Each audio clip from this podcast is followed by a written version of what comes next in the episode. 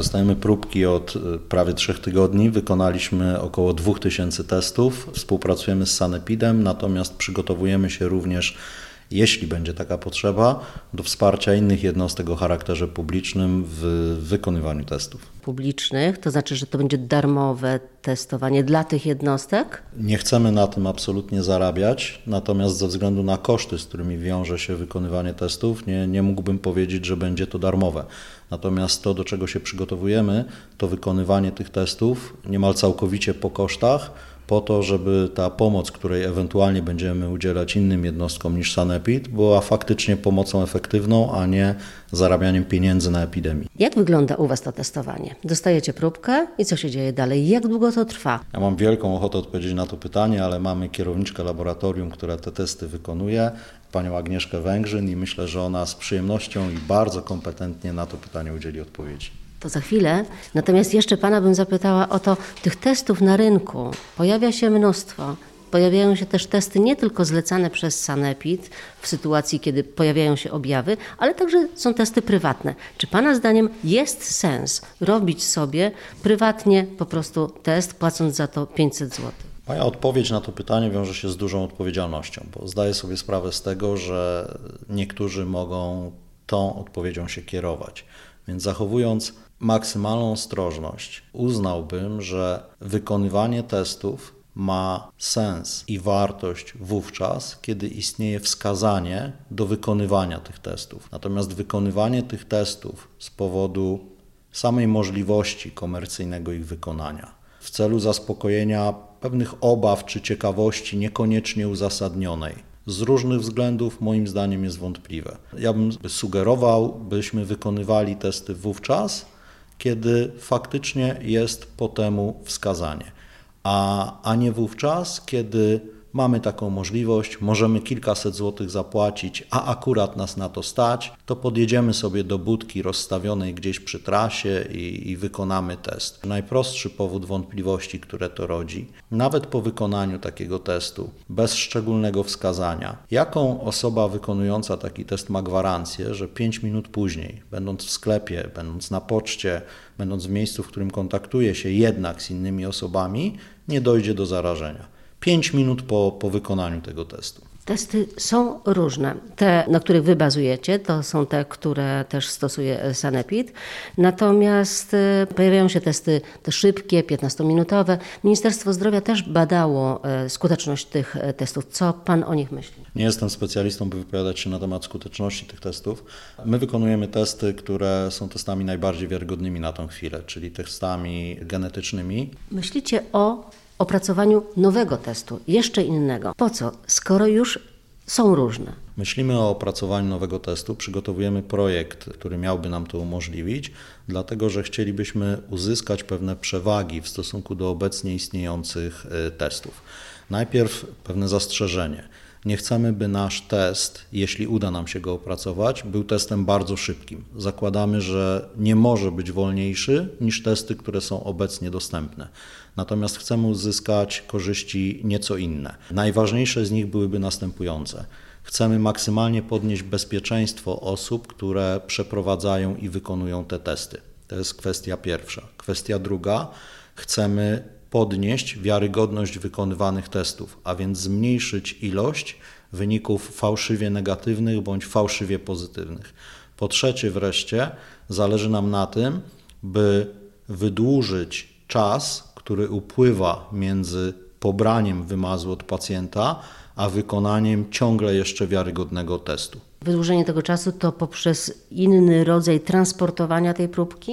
Jeżeli chodzi o szczegóły, to chciałbym, by te szczegóły pozostały na tę chwilę w laboratoriach, kiedy zweryfikujemy, że jest to faktycznie możliwe i nie będziemy tworzyli nadziei bądź wrażenia, że robimy coś, co, co może nam się nie udać, to wtedy podzielimy się wszystkimi szczegółami. Zamierzacie wykorzystać jakąś inną technologię po prostu? Zamierzamy wykorzystać nieco inną technologię niż te, które są wykonywane obecnie, natomiast przede wszystkim zamierzamy wykorzystać kompetencje pracowników Polskiego Ośrodka Rozwoju Technologii i sprzęt, który umożliwia nam opracowanie takiej technologii.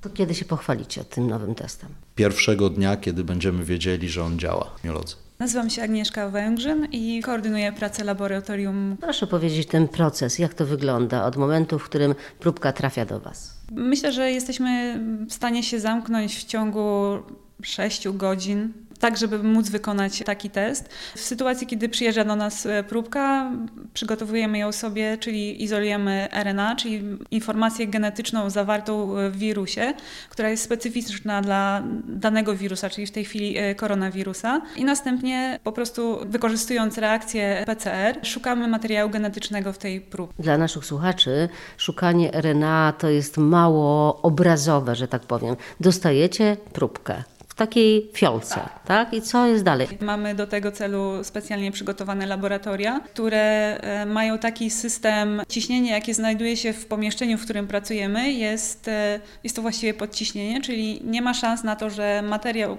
czy powietrze, które w ogóle jest w tym pomieszczeniu, jest w stanie wydostać się na korytarz. Także pod tym względem jesteśmy zabezpieczeni w ten sposób. Oprócz tego, jeżeli pracownicy już wchodzą do takiego laboratorium, są ubrani w kombinezony BSL-3, czyli to są takie kombinezony już najwyższego bezpieczeństwa biologicznego. Oprócz tego zakładamy maseczki. Są to maseczki e, już, e, że tak powiem, najbardziej, może nie tyle co profesjonalne, ale zabezpieczają nas przed e, wirusami. To są maseczki FFP3, które po prostu nie pozwalają na przeniknięcie przez taki materiał wirusa w trakcie oddychania. No i oprócz tego, że często takimi wrotami zakażeń są oczy, mamy albo okulary, albo gogle, albo przyłbice, kto co lubi. Większość z nas w tej chwili stosuje przyłbicę, z tego względu, że praca przez 2,5-3 e, godziny z takim materiałem no, powoduje, że jednak e, paruje twarz, i takie okulary łatwo mogą zaparować, więc e, przyłbica jest dużo bardziej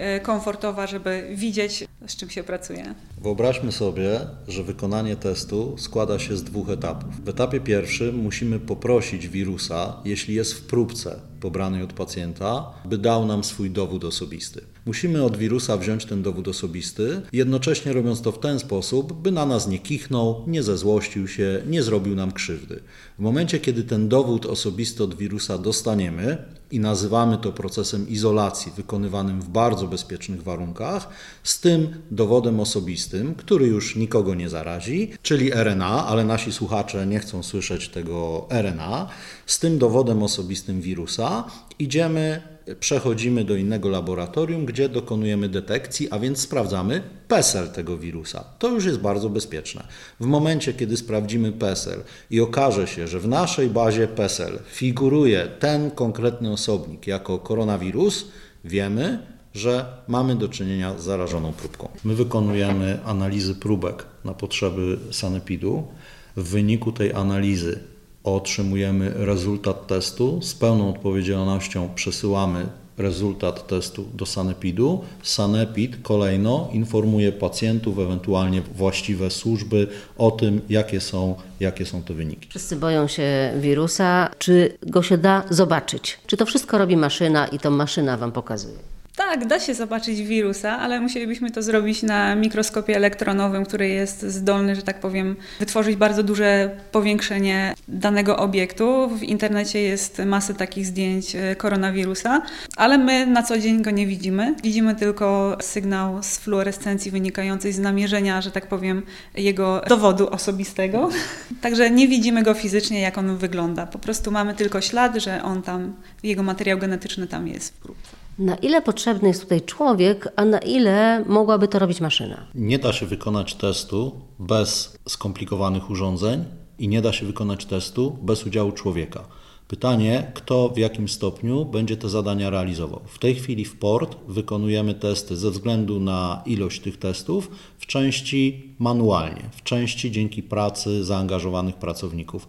Natomiast przygotowujemy się do tego, żeby w maksymalnym stopniu zautomatyzować proces wykonywania testów, ponieważ mamy do tego przygotowaną aparaturę, mamy do tego przygotowany sprzęt, co pozwoli nam bardzo istotnie podnieść ilość wykonywanych testów, jeśli będzie taka potrzeba. Wykonaliśmy do tej pory około 2000 testów. Jesteśmy w stanie przy tym manualnym procesie wykonywać powyżej 200 testów na dobę. Chciałam jeszcze zapytać o inne testy. Na przykład pracownicy DPS-ów y, we Wrocławiu dzięki wsparciu finansowemu miasta byli badani takimi szybkimi testami. One nie wykrywają koronawirusa, tylko stan zapalny. Czy że jest jakiś wirus, ale niekoniecznie ten. To też wynika z tego, jak reaguje nasz e, układ immunologiczny na infekcję. Bo standardowo wygląda to w ten sposób, że jeżeli jest infekcja, no to są komórki odpowiedzialne za reagowanie natychmiast. One nie wiedzą, na kogo reagują, one wiedzą, że jest zagrożenie i produkują specyficzne produkty. Na przykład mogą tu być cytokiny e, prozapalne, które